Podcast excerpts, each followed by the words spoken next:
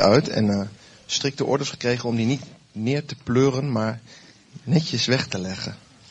Zo goed, lief? Ja, alle andere mannen, doe maar, net, doe maar niet alsof je dit niet herkent, hè. Want uh, dit is gewoon een soort van iedereen die dit overkomt, toch? Precies. Mannen hebben dat nodig. Dat is helemaal goed. Schamen we ons niet voor, hoor.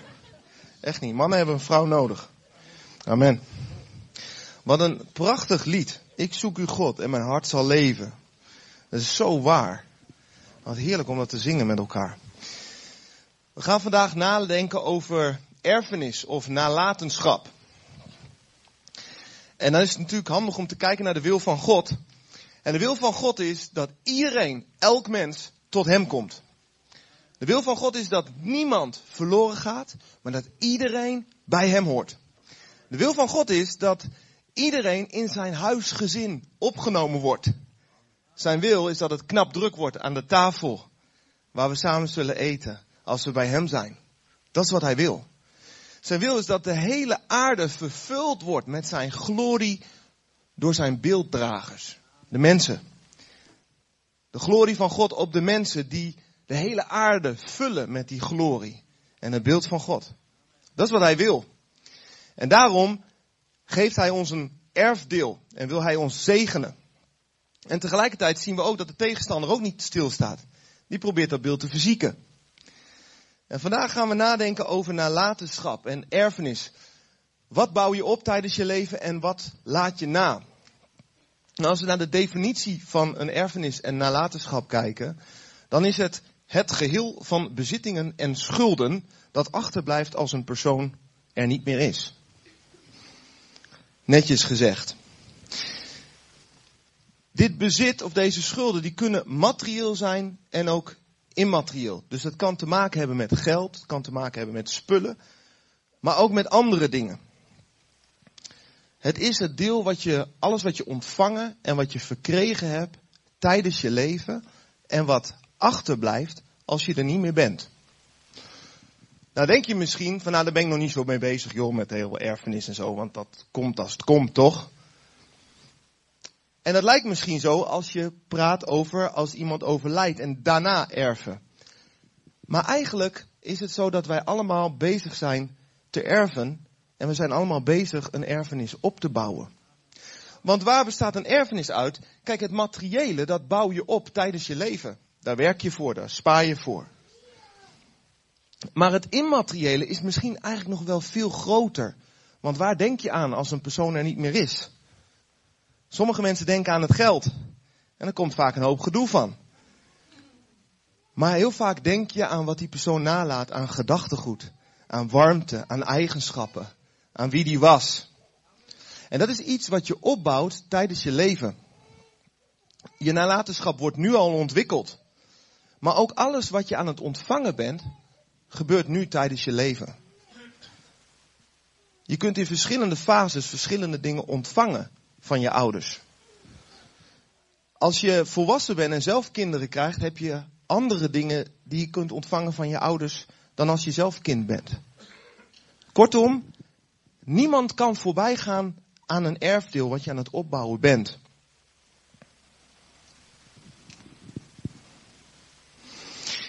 Je bezittingen. Je kunt geld vergaren. Je kunt een huis bouwen of een huis afbetalen en nalaten. Je kunt meubels nalaten. Maar wat ook kan gebeuren is dat je eigenschappen nalaat. Als het gaat over geduld of krachtig zijn of liefdevol zijn of aandacht geven. Dit zijn dingen die je kunt nalaten. En, die, en deze gaven, deze talenten, die gaan door als jij er niet meer bent. Je kan bijvoorbeeld hulpzaam zijn, behulpzaam, integer, zorgzaam, betrokken, onderwijzend. En deze dingen laat je na. En als je naar je ouders kijkt, dan kan je misschien deze dingen ook zien. En dan is het belangrijk dat je daarvan kunt ontvangen, van die erfenis van je ouders.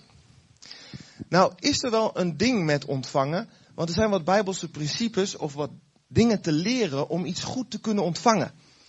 Het kan zo zijn dat, je prachtig, dat er prachtige dingen in jouw familie zijn.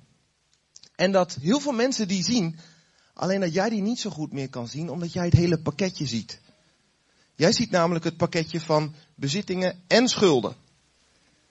En soms is het zo dat die schuldenkant zo'n schaduw op die bezittingenkant werpt, de bezittingen eigenlijk niet zo goed meer kan ontvangen. Als je aan je ouders denkt, dat je aan het hele pakketje denkt waardoor die prachtige punten er niet zo goed meer uitkomen. Terwijl anderen die van buitenaf kijken, die zien die goede punten en zeggen, wauw, wat heb jij in je familie joh. Jij hebt dit en jij hebt dat en jij hebt dat. Maar jij kan ze niet zo goed meer ontvangen, omdat jij de mix ziet. En dat is een heel belangrijk punt. Als wij willen ontvangen wat ons erfdeel is aan goede zaken uit onze familie, dan moeten we deze dingen op waarde schatten. Want namelijk als er waarde aan toekent, ontvangen deze dingen een plek in je leven van waarde. En als je de waarde aan toekent, dan eer je het als het ware. Je geeft het een plek in je leven. Terwijl als je ernaar kijkt van ja, wat zou ik er nou mee? Wat moet, wat moet ik daarmee? Dan krijg je het een minder belangrijke plek, waardoor je ook je aandacht er niet aan zal geven. Het is dus belangrijk dat wij met de schuldenkant, met de minder fijne kant, dat we dan een plekje gaan geven, zodat we de goede dingen kunnen zien en ook door kunnen geven. Daarnaast is het belangrijk als we kijken naar een erfdeel, dat je kunt ontvangen door nederig te zijn. Want als, het, als een erfdeel niet door jou verkregen is, maar door een ander, moet je het kunnen ontvangen. Want het is niet door jouw inspanning gemaakt, je hebt het gekregen. En je kan het pas ontvangen als je dat erkent. Als je zegt, wauw, dit hebben jullie en nou mag ik er ook deel aan hebben. Dan ontvang je het. Hoe blijven deze dingen bewaard in de generaties? Dat is ook door goed rentmeesterschap, zoals je dat noemt. Eigenlijk, en dan heb je het met name dus uh, over geld, maar ook over talenten. De Bijbel spreekt ook over talenten. Je krijgt deze dingen doorgegeven. Maar talenten zijn er om mee te gaan werken. Om mee aan de gang te gaan. En dan ben je een goede rentmeester en dan kan het renderen ook voor de generaties na jou. Dus je moet het op waarde kunnen schatten en daarvoor moet je een heldere blik krijgen over alle mooie dingen die in je, in je voorgeslacht zitten.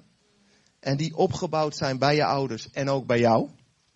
Dan moet je dus kunnen eren, een plek van waarde geven. Je moet het kunnen ontvangen met een nederig hart wat niet trots is en zelf de hele nalatenschap wil bouwen.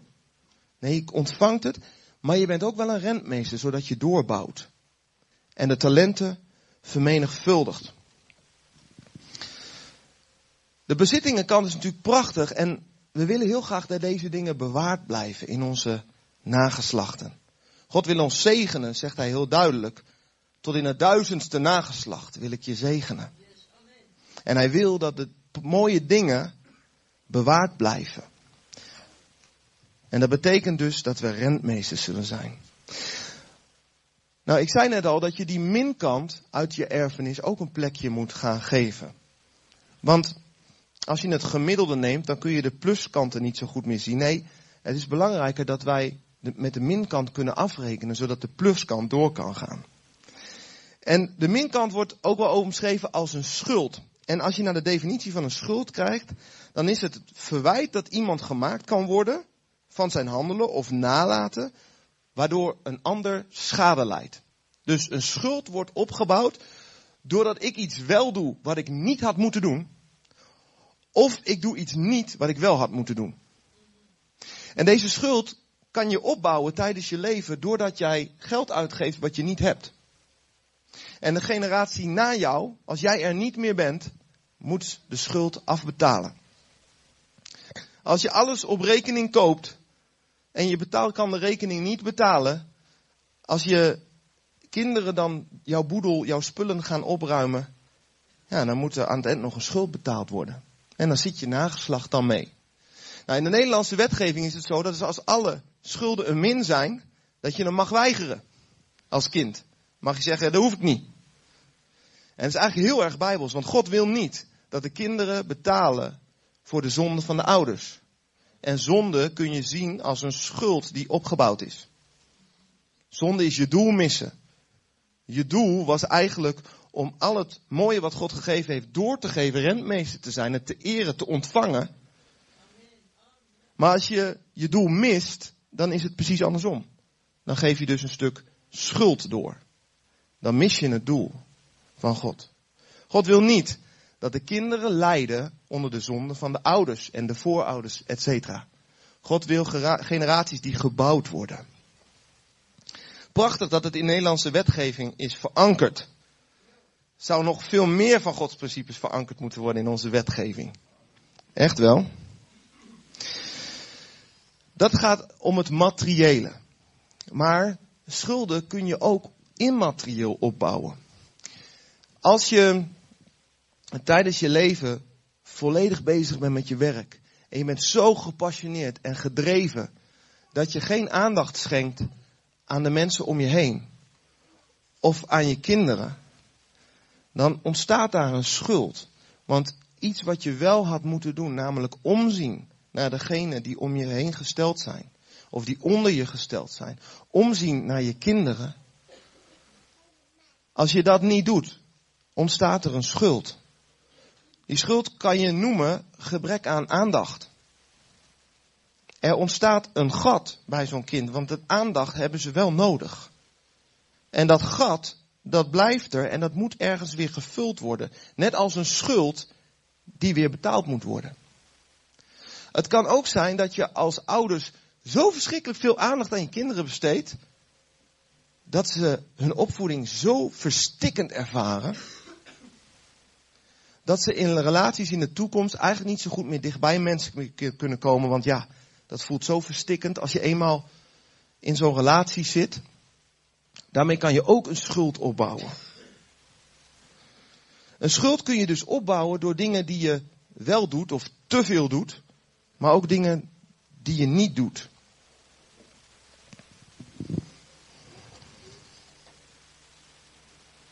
Er ontstaat een gat bij de kinderen of bij de mensen om je heen. En ik geloof dat jouw nalatenschap um, groter is dan alleen de generaties na jou. Dat is natuurlijk het belangrijkste ding. Maar je bent in je omgeving geplaatst om iets na te laten. we hebben het in het verleden wel eens gehad, heeft Christus gesproken over het vlindereffect. Eén opmerking, één moment dat je een aandacht aan iemand besteedde en het effect wordt uitvergroot. Door effect op effect op effect op effect. Ik geloof dat wij geplaatst zijn in onze omgeving om een invloed uit te oefenen, om iets na te laten. En het kan dus heel goed een schuld worden als we dat niet doen.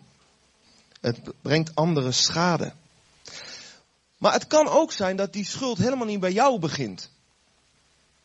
Het kan ook zijn dat die schuld doorgegeven wordt.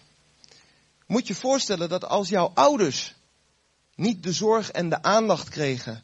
Ik noem maar iets. Je, jouw opa was eigenlijk altijd keihard. Hij toonde nooit zijn gevoel. Waardoor er nooit plek was voor de gevoelens van jouw moeder. Als zij moest huilen, was dat een teken van zwakte. En je opa stuurde de weg, want daar kon er niks mee. Daardoor is je moeder verhard geworden en heeft ze niet meer geleerd om haar emoties te uiten. Maar jij hebt dat wel nodig als kind. Dat ze jouw emoties begrijpt. En dat er een plekje is voor jouw verdriet. Maar je moeder is jou aan het opvoeden terwijl ze zelf nog een gat aan het vullen is. Die schuld die ontstaan is doordat er geen plek voor haar emoties was. Ja, die schuld die moet nog afbetaald worden. En tijdens haar leven is ze bezig om die schuld, om dat gat te vullen. Tegelijk is ze jou aan het opvoeden. En ja, dat betekent dat ze eigenlijk een schuld aan het doorgeven is. En je kunt verschillende situaties bedenken. Vaders die er niet waren op het moment dat het zo nodig was. Misschien één moment waar je als ouder zo hard reageerde terwijl je kind zo kwetsbaar was. Misschien nooit om leren gaan met je gevoelens van angst of onvermogen en het uitzicht in woede. En je bent een risicofactor geworden omdat je een woedeuitbarsting kunt hebben. Misschien had je opa dat al en je vader heeft het ook. En Als je niet uitkijkt, dan doe je hetzelfde.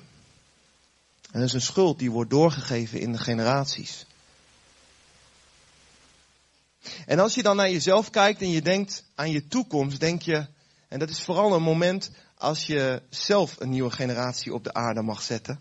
Als je zelf vader wordt of moeder wordt, dan komt er zo'n moment dat je denkt, hoe zal ik het doen? Hoe, hoe zal ik het er vanaf brengen? En als je dan eens gaat kijken naar je voorgeschiedenis en je gaat kijken naar je eigen worsteling, denk, oh heer, komt dit nog wel goed? Er zijn momenten dat je dan zo bang bent dat je door zult geven wat je zelf zo gemist hebt, dat je precies hetzelfde zal doen. Want ja, onderzoeken wijzen uit dat minimaal 70% toch in hetzelfde gedrag vervalt. En dat is ergens wel logisch. Want als we de dingen uit het vlees, de dingen die niet uit God komen, met het vlees proberen op te lossen, dat gaat hem niet worden. Dus geven we het door. Dus de statistieken kloppen wel. Maar God staat boven de statistieken. Als je dat eens overziet, denk je, ja, hoe moet ik het er nou vanaf brengen? Hoe moet, hoe, hoe moet ik nou iets goeds maken? Terwijl het zo'n puinhoop in mijn familie is. En zelfs in de beste families, als je daar echt in gaat kijken, hè, zitten daar ook dingen die een gemis zijn. Die je van buiten helemaal niet ziet, maar van binnen wel. Er is hoop. Er is hoop. Want als God erin komt, ha, dan verandert de hele boel. Als we nou kijken naar de generaties, hè. Als je naar de Bijbel kijkt, wat is nou het belangrijkste voorbeeld waarin God zich de God van de generaties noemt? Dat is de God van Abraham, Isaac en Jacob. Allemaal bekend, toch? Ik zal je vertellen dat er in elke generatie een wonder nodig was. Anders was de volgende generatie er niet eens geweest. Als wij doorgeven wat we in het vlees hebben verkregen en we geven het door, dan gaat nooit leven voortbrengen.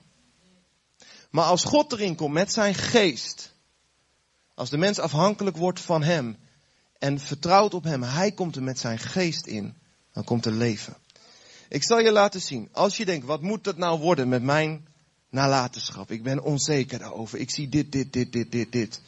En weet je, de helft heb ik misschien nog niet eens ontdekt, omdat ik het nog niet aandurf. Ik heb hoop voor je.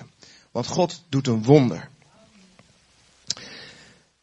In de bloedlijn van Abraham naar Isaac zien we in Hebreeën 11 vers 11. Door haar geloof ontving ook Sarah, de vrouw van Abraham, hoewel ze onvruchtbaar was. En niet meer in de bloei van haar leven was. En de kracht om een kind te verwekken. Even kijken hoor. Ik, ik moet even goed zeggen. Door haar geloof ontving ook Sarah, hoewel ze onvruchtbaar was gebleven en niet meer in de bloei van haar leven was, de kracht om een kind te verwekken. En wel omdat ze vertrouwde op degene die de belofte had gedaan. De belofte kwam van God. God zei tegen Abraham, ik zal je een talrijk volk maken. Dat is wat God wil, hè? God wil een talrijk volk. Die zijn glorie op de aarde laten zien. Dat is wat God wil. En dat is zijn belofte. Zie je dat deze mensen niet in staat waren zelf de belofte van God te vervullen? Als God een belofte geeft, zorgt Hij ook voor dat het gebeurt. En je mag meewerken, maar het komt niet uit jou, het komt uit Hem.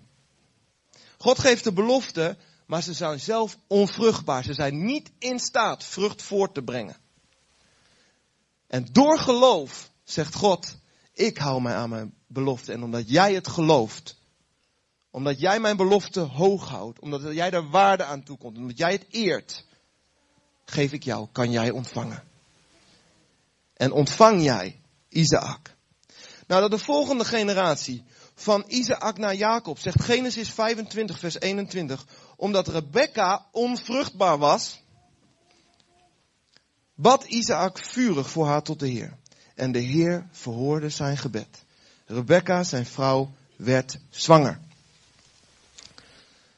Ook zij waren niet in staat om de belofte van God zelf gestalte te geven. Er was een wonder van God nodig. Ze waren niet in staat zelf vrucht voort te brengen. Er was een wonder van God voor nodig. God zegt, ik wil erin komen met mijn leven. En ik ben de God van Abraham, Isaac en Jacob. Als God zegt dat hij van Abraham, Isaac en Jacob is en deze gasten waren allemaal onvruchtbaar. Wat zegt dat voor jouw situatie? Hoe, dit is het voorbeeld. Als jij onvruchtbaarheid ziet in je, jouw, jouw voorgeslacht en in jouw leven. Je denkt van ja, dit ding in mijn leven is echt niet vruchtbaar. Als ik dit door ga geven, wordt het, het gaat niet goed komen. God zegt, ik wil een wonder doen. Ik wil erin komen en ik wil mijn leven geven in deze situatie. Zodat er een generatie zal zijn die mijn glorie zichtbaar maakt. Dit is wat God wil doen. Nou is het natuurlijk wel belangrijk, wat hier ook gebeurt, dat wij onze situatie erkennen. Want ook al zijn we zo afhankelijk, God heeft ons gemaakt als een beelddrager van Hem en wij zijn om te regeren. Heb ik heel vaak uitgelegd. Genesis 1:27. God zegt, je zult regeren. God zegt, ik geef je een plek als mens. Het is niet zo dat je door toeval wordt bestuurd. Jij hebt een plek, jij hebt een stem gekregen van mij. En daarom is de beslissing van een mens heel belangrijk. De beslissing om te geloven. De beslissing om God aan te roepen voor deze dingen.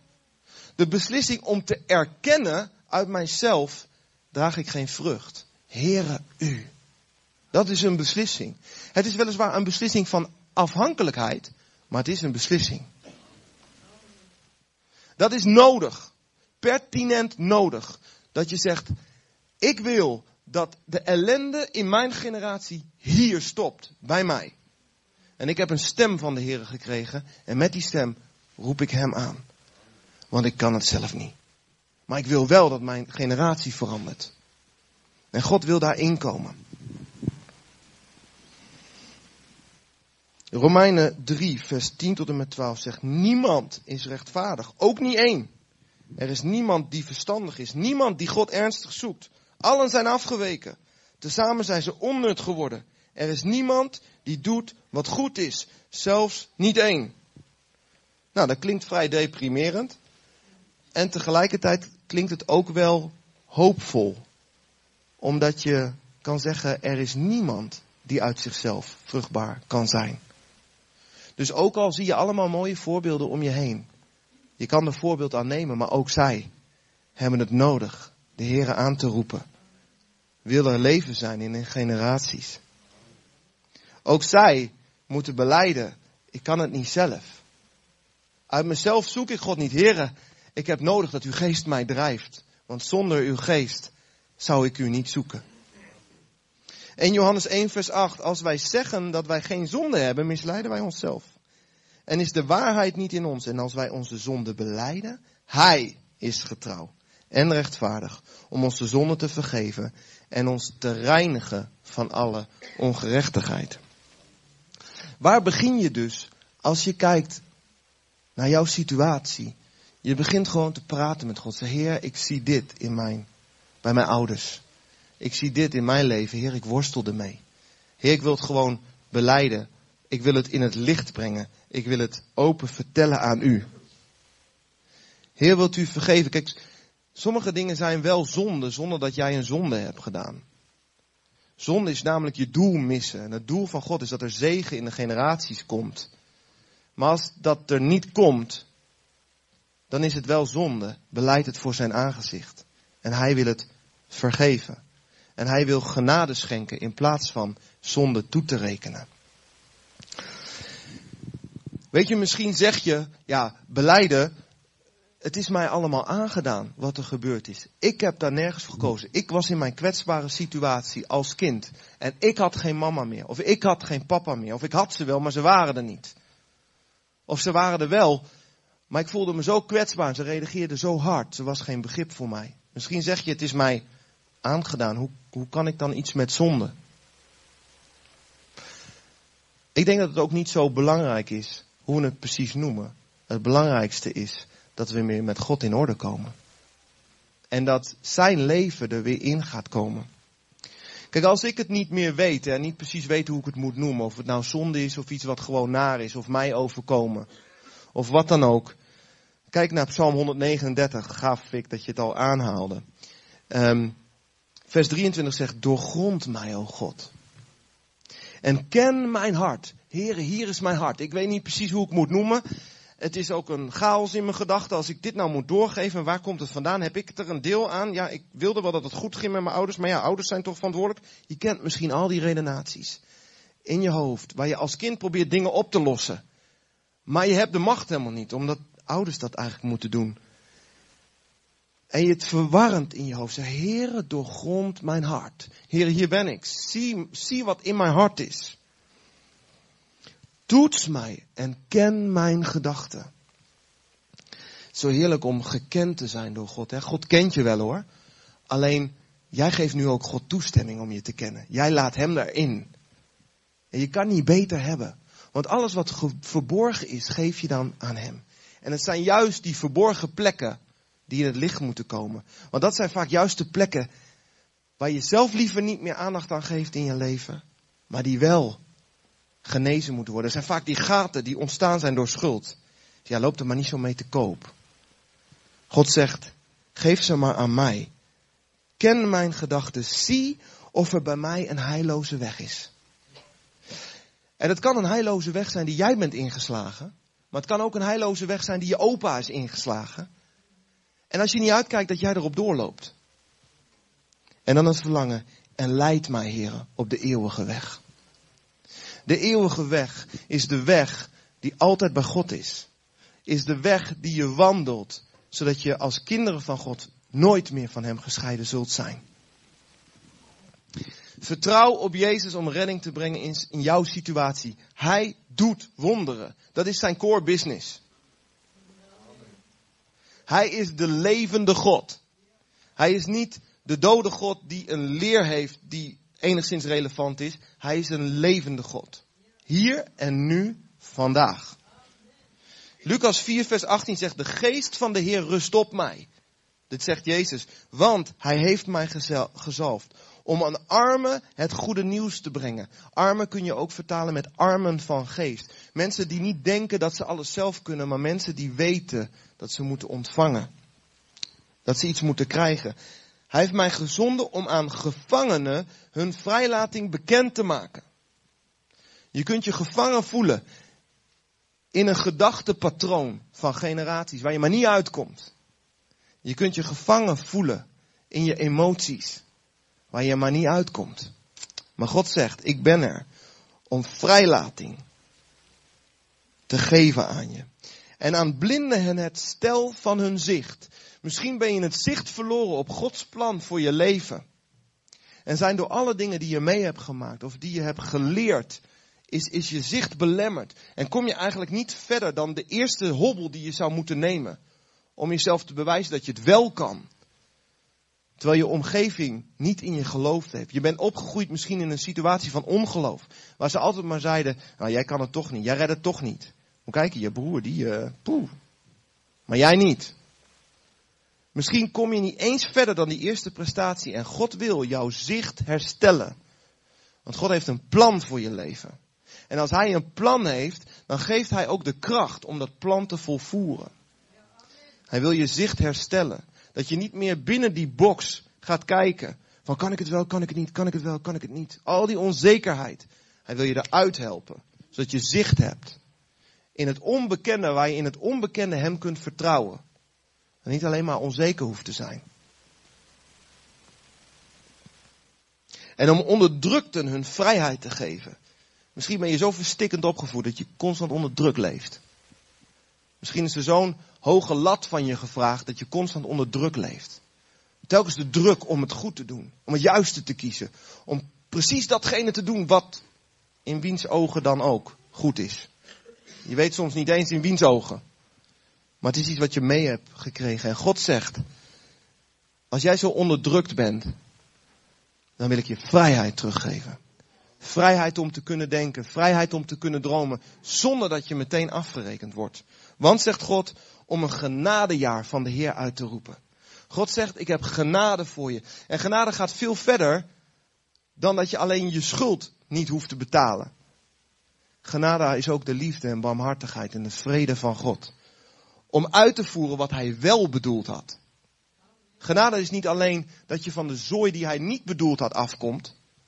Genade is ook dat hij je de liefde en de vrede geeft en de bevestiging, zodat je uit kunt gaan voeren wat hij wel bedoeld had. Romeinen 8, vers 12 zegt, wel nu broeders, wij zijn aan het vlees niet verplicht om naar het vlees te leven. Het vlees moet je dan even bedenken, al die dingen die niet uit God komen, die wel jouw generatie in zijn geslopen. Want als u naar het vlees leeft, zult u sterven. Het brengt geen vrucht voort, het leeft niet. Als u echter door de geest de daden van het lichaam doodt, zult u leven. Immers, zoveel als er door de geest van God geleid worden, zijn kinderen van God. Want u hebt niet de geest van slavernij ontvangen, die opnieuw tot angst leidt, maar u hebt de geest van aanneming tot kinderen ontvangen. Door wie wij roepen, papa, vader. Dus wij noemen God papa, vader. Omdat wij kinderen zijn geworden door zijn geest. De geest zelf getuigt met onze geest dat wij kinderen van God zijn. En als wij kinderen zijn, zijn wij ook erfgenamen.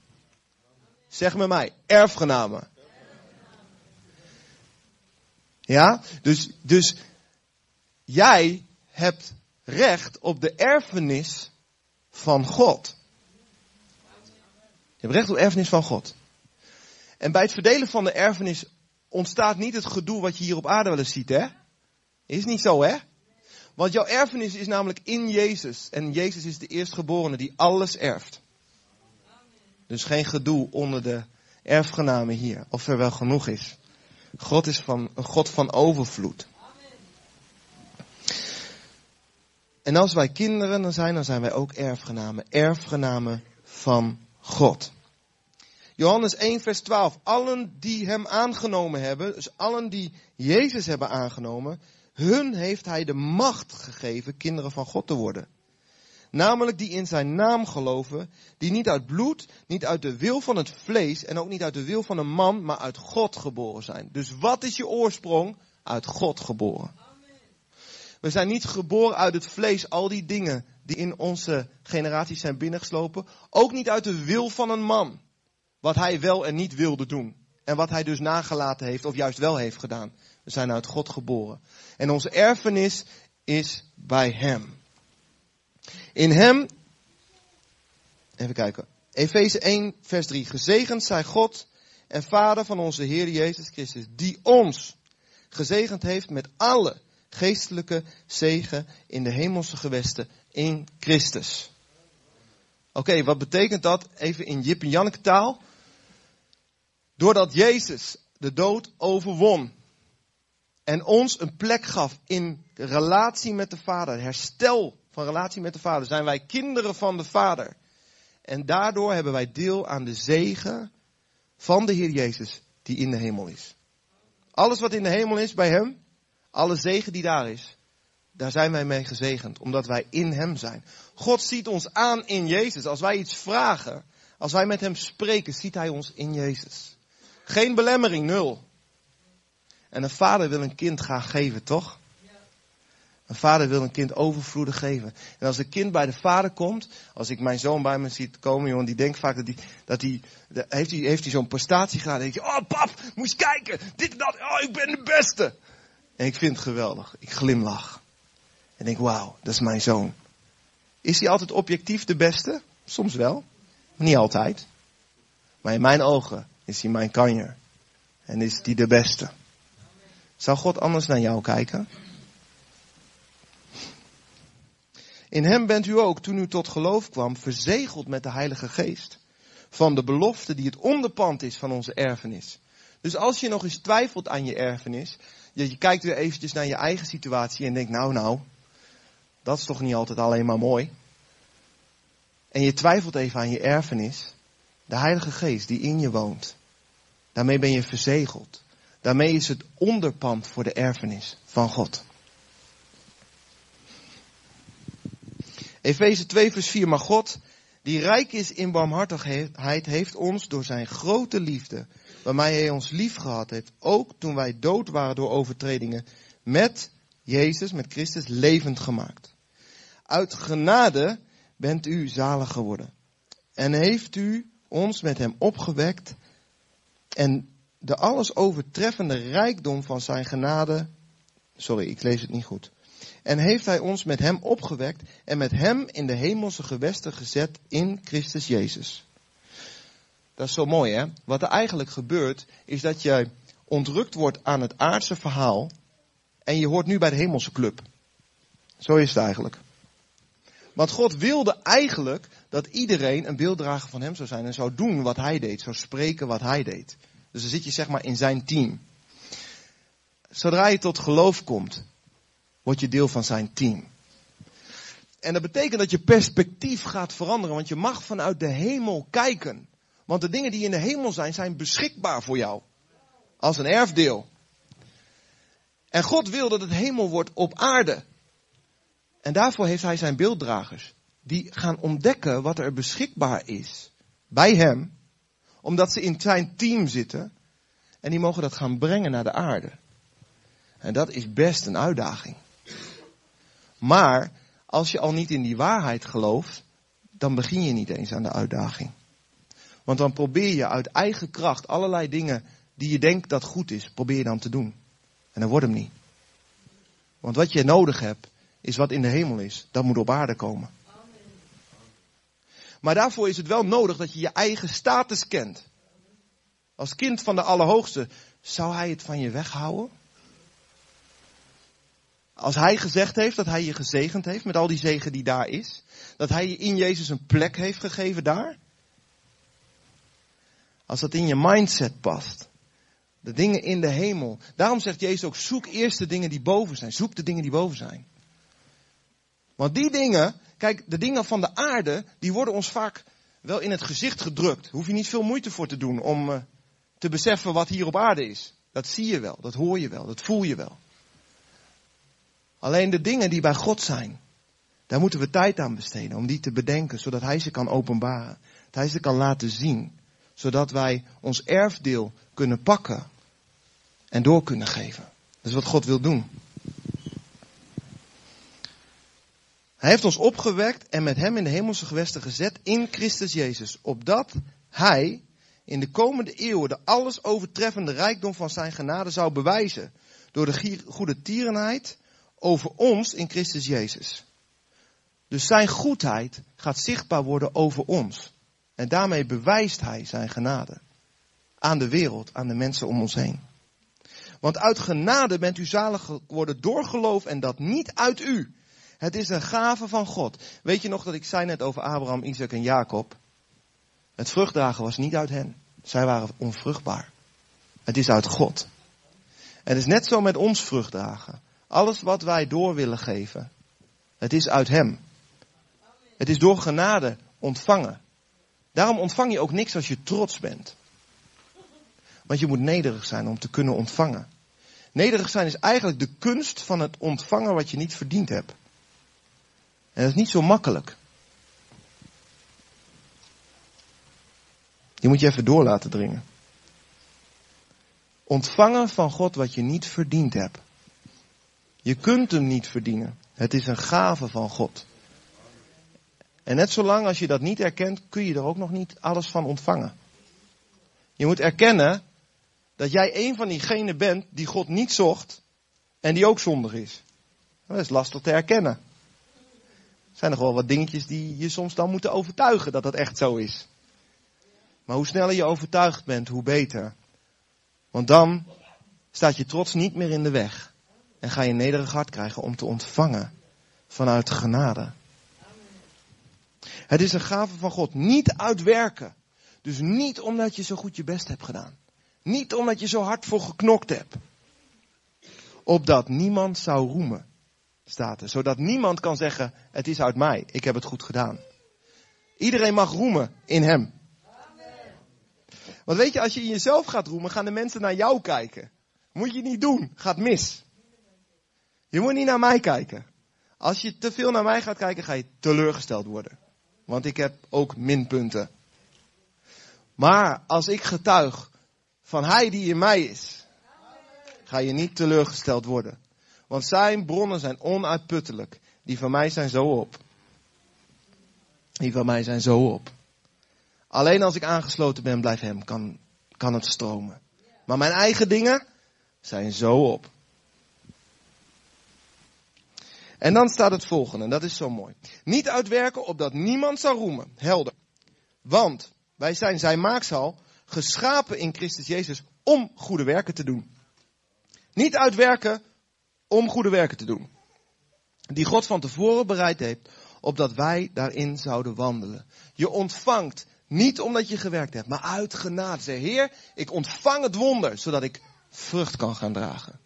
Wat ga je doen? Je gaat putten uit het wonder wat God geeft. Je gaat putten uit God. En je gaat het doorgeven.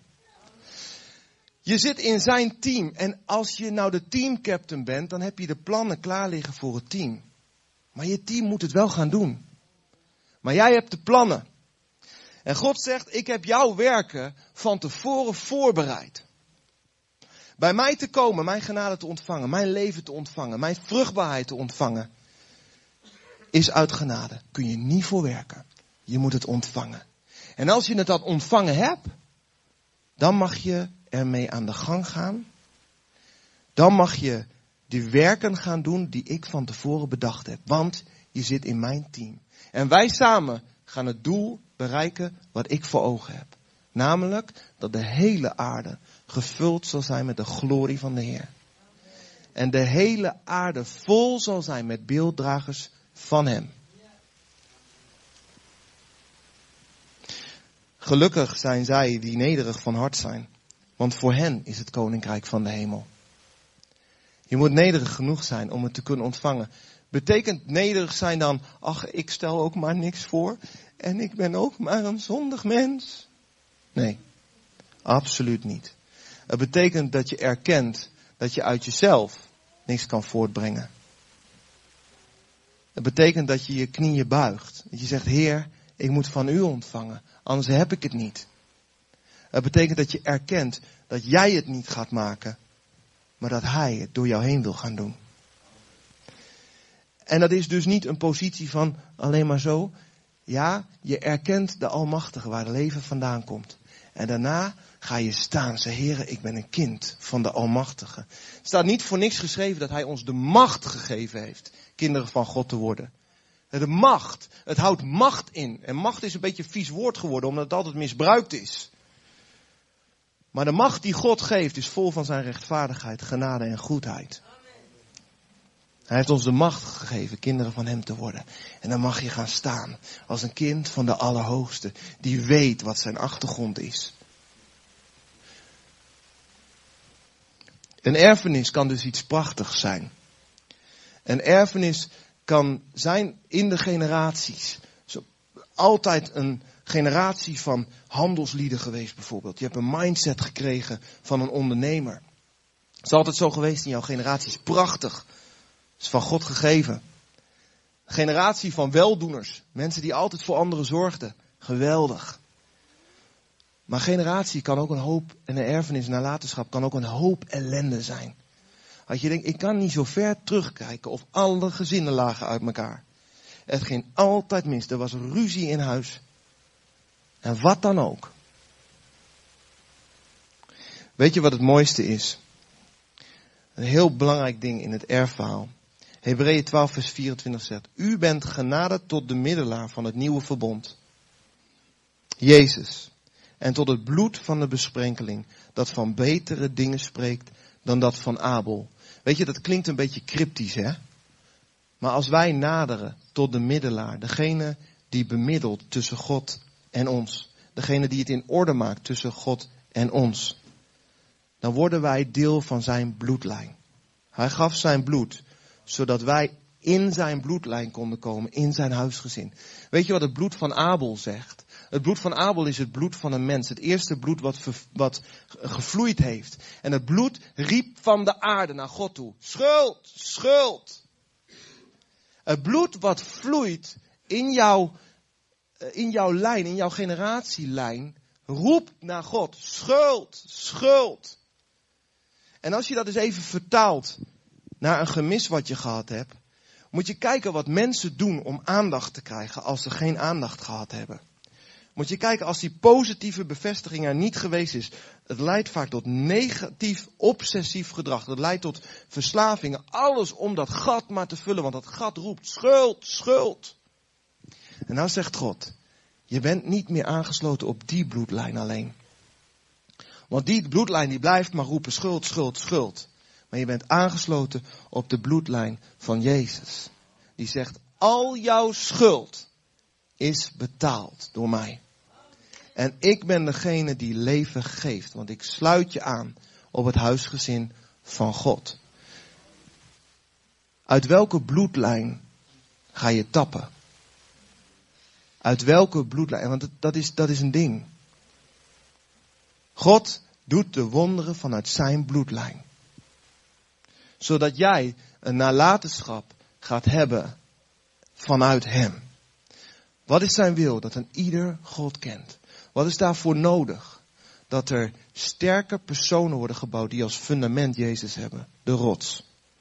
Wat is daarvoor nodig? Dat er sterke gezinnen gebouwd worden die weerspiegelen de eenheid en liefde van Hem. Waarbinnen de bescherming is die Hij voor iedereen bedoeld had. Bescherming van de liefde van een papa en van een mama. Van de bescherming en van de troost. God wil dat de huwelijken sterk zijn.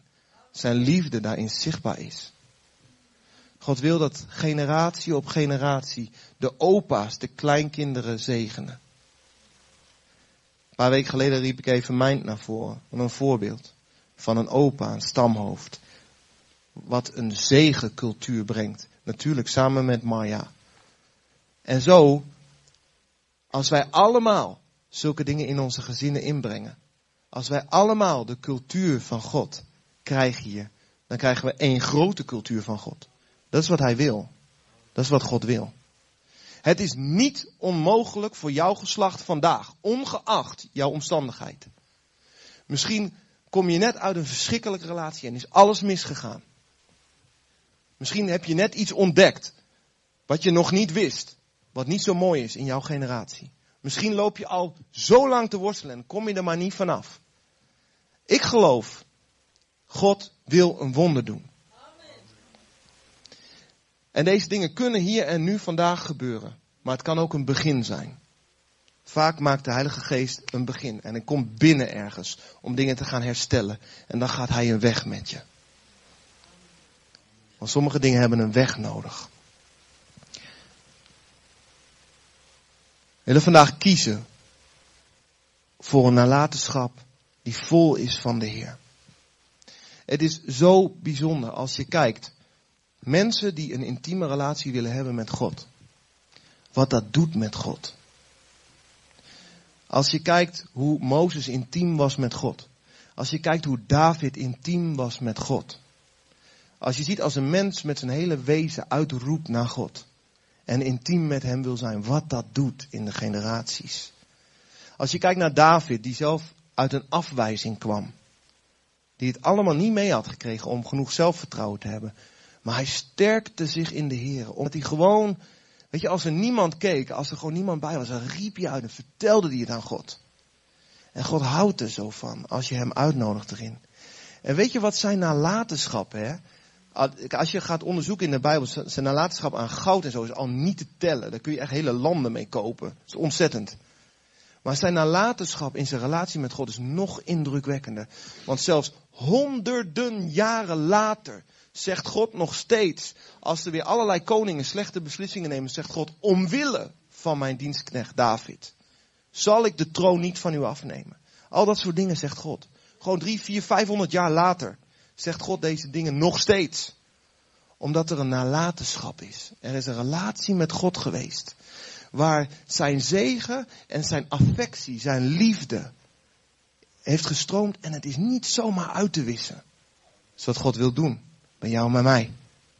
Zo'n relatie wist je niet zomaar uit. Hij heeft zijn invloed in jouw omgeving. In jouw nalatenschap. Victor, wil je komen? Misschien wil je dat lied weer spelen wat je net uh, zong. Ik zoek u God. Het is belangrijk dat we beslissingen gaan nemen voor ons nageslacht. Wat wil je doorgeven? Weet je, als jij erkent dit en dit en dit zit in mijn familie. Dit en dit en dit zit in mijn leven. Dan is het belangrijk dat je gaat opstaan en gaat zeggen, dit is de laatste generatie waar dat regeert. Vanaf mij en verder regeert Jezus.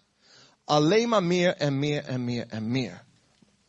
Want jij hebt een stem waarmee je de wil van de Heer kan uitspreken. En het heeft scheppende kracht. Maar als jij eronder blijft zitten, omdat de leugens een sterkere plek, grotere plek van je krijgen dan de woorden van God, blijf je er ook onder zitten. En dan zul je helaas zien dat de statistieken gelijk krijgen. Dat deze ellende wordt doorgegeven. Maar als je uit een andere bloedlijn tapt. En je zegt, ja Heer, ik heb u nodig dat u een wonder doet. Want zonder u kan ik geen vrucht dragen.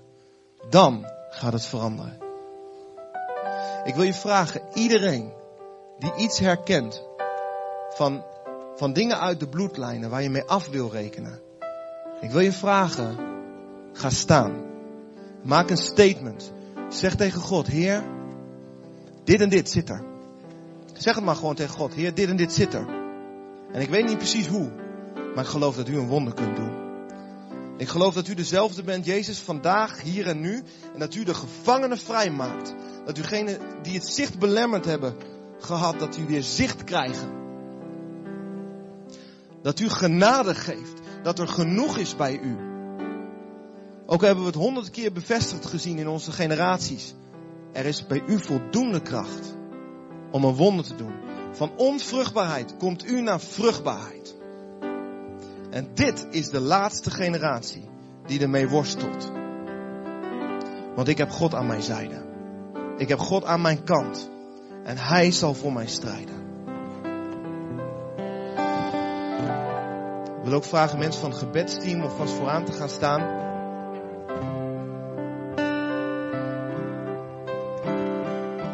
Zijn denk ik nog een paar specifieke dingen die uh, de Heer me heeft laten zien in de voorbereiding. Ik denk dat het gebed eventjes daar vooraan moet, want daar is geen plek. Ik denk dat er iemand is die rondloopt met het woord rotmoeder.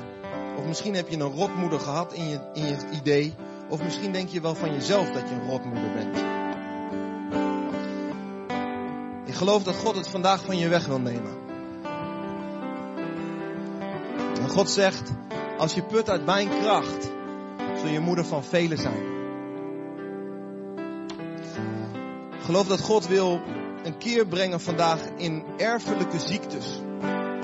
Dus iedereen die een erfelijke ziekte heeft, of bang voor is dat het gaat komen,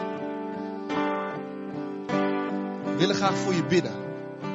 Want God wil ook ingrijpen in de bloedlijnen op zo'n manier.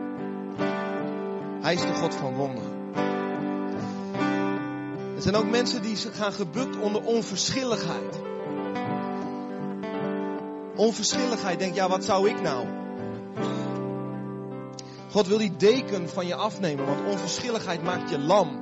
Zorg dat je niet overgaat tot actie. Zorg dat je je plek niet inneemt. Zorg dat je niet je erfenis in bezit neemt en dus ook niet doorgeeft. Ik geloof dat God vandaag een deken van onverschilligheid vaak te maken heeft met minderwaardigheid die van je af wil nemen. Er zijn ook mensen in ons midden die hebben het gewoon het plafond op zich af zien komen. Misschien heb je je ingekapseld gevoeld of heb je gedacht, hoe kan ik ooit verder komen? Maar misschien is het plafond ook wel iets wat je moet halen. God zegt tegen jou vandaag, ik wil je zicht herstellen. Zijn ook mensen geweest die een plek in de natuur hebben opgezocht. En God zegt, misschien in een tijd van verwarring en moeite, ben je even naar buiten gegaan, ben je weggegaan. En God zegt, ik zag je daar. Ik heb gezien waar je mee worstelt. En als je naar buiten kijkt en je ziet zo'n mooie laan met herfstkleuren, met allemaal bomen in een rij, misschien brengt het een herinnering bij je te binnen. God zegt, ik wil in die herinnering komen vandaag.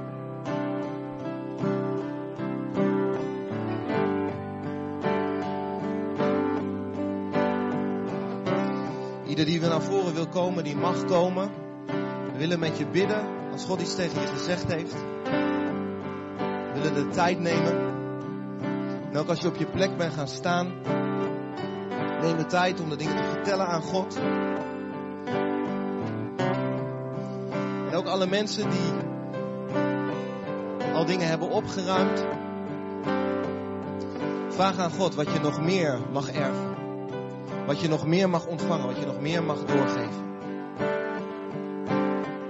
Vader God, we willen u uitnodigen. U was er al lang. Maar we willen ook specifiek u uitnodigen, Vader, in onze families, in onze bloedlijnen, Vader. We willen uw bloedlijn. Heilige Geest, we willen u uitnodigen om aan te raken die gebieden, heren. Waar dingen binnengekomen zijn in onze generaties, Vader, die u niet bedacht had voor ons. Waar gedachten, patronen of emoties gekwetst zijn, heren. We willen u uitnodigen, Heilige Geest. Wilt u binnenkomen? Wilt u herstellen? Wilt u genezen? Wilt u vrijmaken? Wilt u opnieuw zicht geven op u, Vader, op de beloftes die u geeft? Wilt u opnieuw voor onze ogen stellen, uw zegen, Vader? En de mogelijkheid dat u dingen kunt doen die wij niet kunnen doen. Dank u, Heer, dat u geloof wil geven vandaag voor een ommekeer, Vader. In plaats van gebrokenheid, dat dingen heel gemaakt worden. In plaats van dat dingen afgebroken worden, dat u ze opbouwt. Vader, wilt u speciaal komen in de plekken van minderwaardigheid. Waar alles wat ons geleerd heeft, onze identiteit heeft geraakt, Vader. En we denken dat we niet meer waard zijn, terwijl u zegt, ik geef jou de macht. Je bent mijn kind. Je mag mijn papa noemen. Je mag bij mij komen. En ik glimlach van oor tot oor als jij komt. Heilige Geest, wilt u erin komen?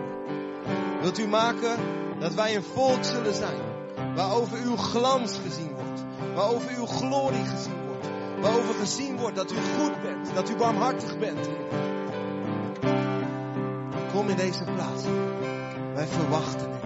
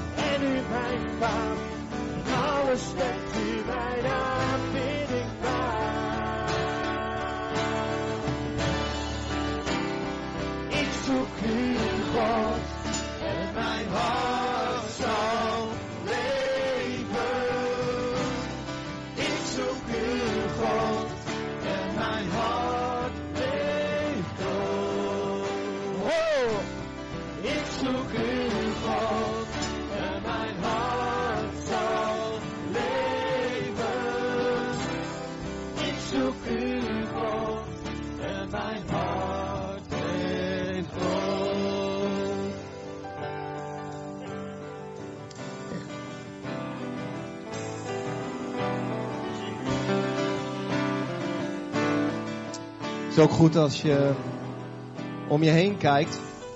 Ja, wij zijn ook het huisgezin van God, hè? God geeft de bescherming van een gezin.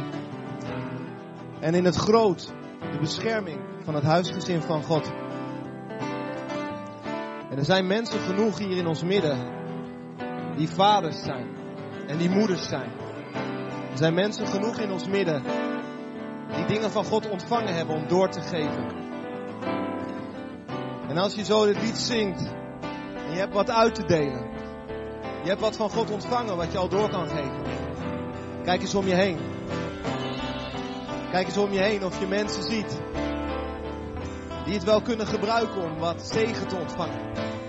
Die het wel kunnen gebruiken om een hulp te ontvangen, een luisterend oor. Of iemand die even bemoedigt. Wil je vragen? Kijk om je heen. Verlaat je rijen. En zoek mensen op. Misschien zijn er mensen onder ons die, waarvoor wat ze mee hebben gemaakt gewoon te heftig was. Die niet in één keer ermee kunnen komen. Misschien hebben ze jouw hulp nodig. Misschien hebben ze jouw luisterende oor nodig.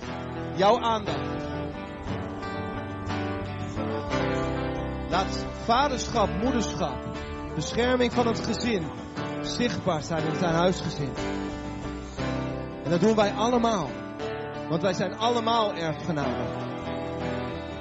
Dus kijk om je heen, gemeente. En deel uit van wat hij geeft.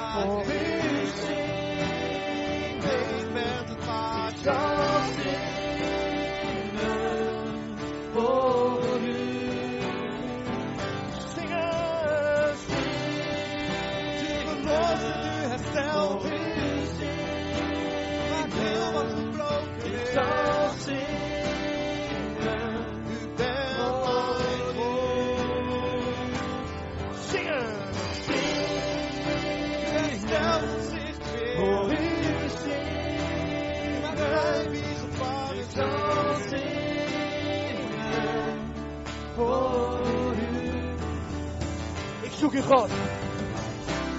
Ik zoek u, God. En mijn hart zal leven.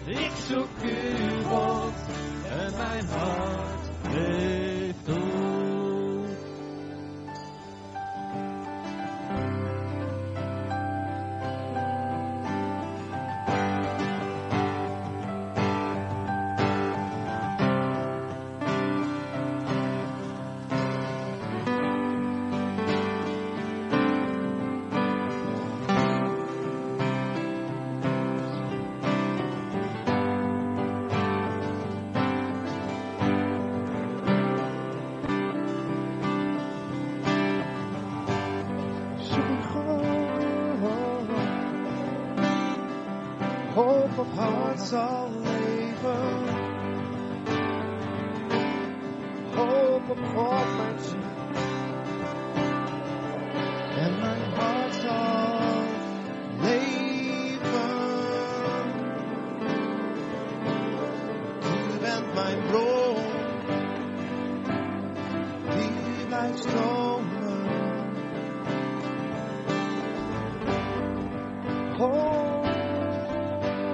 God, ziel. Ik ben uw kind. kind, geliefd kind.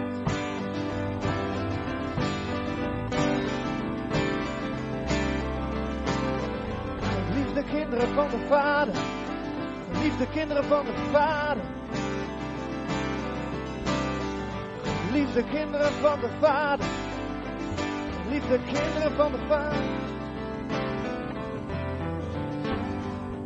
Terwijl er nog ruimte blijft om, eh, voor gebed, om even stil te zitten, om hierover na te denken, wil ik eh, voor alle mensen eh, die zeggen ik wil graag, ik ga graag weer verder of dat was al goed, maar en ik ga weer verder. Ik wil de dienst afsluiten zodat ieder weer naar ehm, zijn of haar plek kan gaan.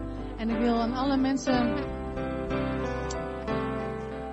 wil je zeggen, God gaat met jullie mee en hij laat je niet los. Het is niet zo dat dit voor hier en voor nu is, maar God gaat met je bezig. En zoals Colino al zei, hij gaat een weg met een ieder van ons. En sommige dingen hebben gewoon een langere weg nodig. En eh, hij gaat met je door, ook al loop je uit deze ruimte. Maar God gaat met je mee. Dus vader wil ik je danken voor wat u hebt gedaan vanochtend in onze harten, Heer. Heer, dat u jezelf hebt laten zien, Heer. Een stukje van uzelf en uw liefde en uw genade. En uw ehm, ontferming voor ons, Heer, hebt u laten zien. En ik wil u danken dat u verder gaat daarmee. Heer, en daar willen we ook toe uitnodigen. Ga verder met ons alstublieft, Heer. Want we willen u beter kennen. En we willen hersteld worden in de, in de gaten die er zijn. In de schade die we hebben opgelopen. Omdat we willen leven voor u, Heer. En leven voor elkaar. Voor anderen, Heer, die u nog niet kennen. Ik wil u danken, Heer, dat u met ons meegaat de komende week, Heer. Heer, bescherm ons, Heer. En leid ons, Heer. Heer, eh, we blijven op u vertrouwen op deze week. In de naam van Jezus. Amen. Een hele fijne zondag. Als je mensen alleen ziet staan, spreek ze aan. Vooral levers. Zorg dat niemand, zich, eh, eh, niemand alleen blijft staan. En eh, geniet lekker van het heerlijke eten wat Vrede heeft gemaakt samen met Samantha. Geef gul voor de Filipijnen. En een hele goede zondag.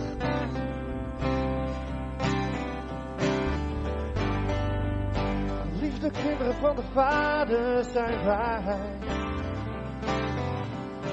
Liefde kinderen, geliefde kinderen van de Vader.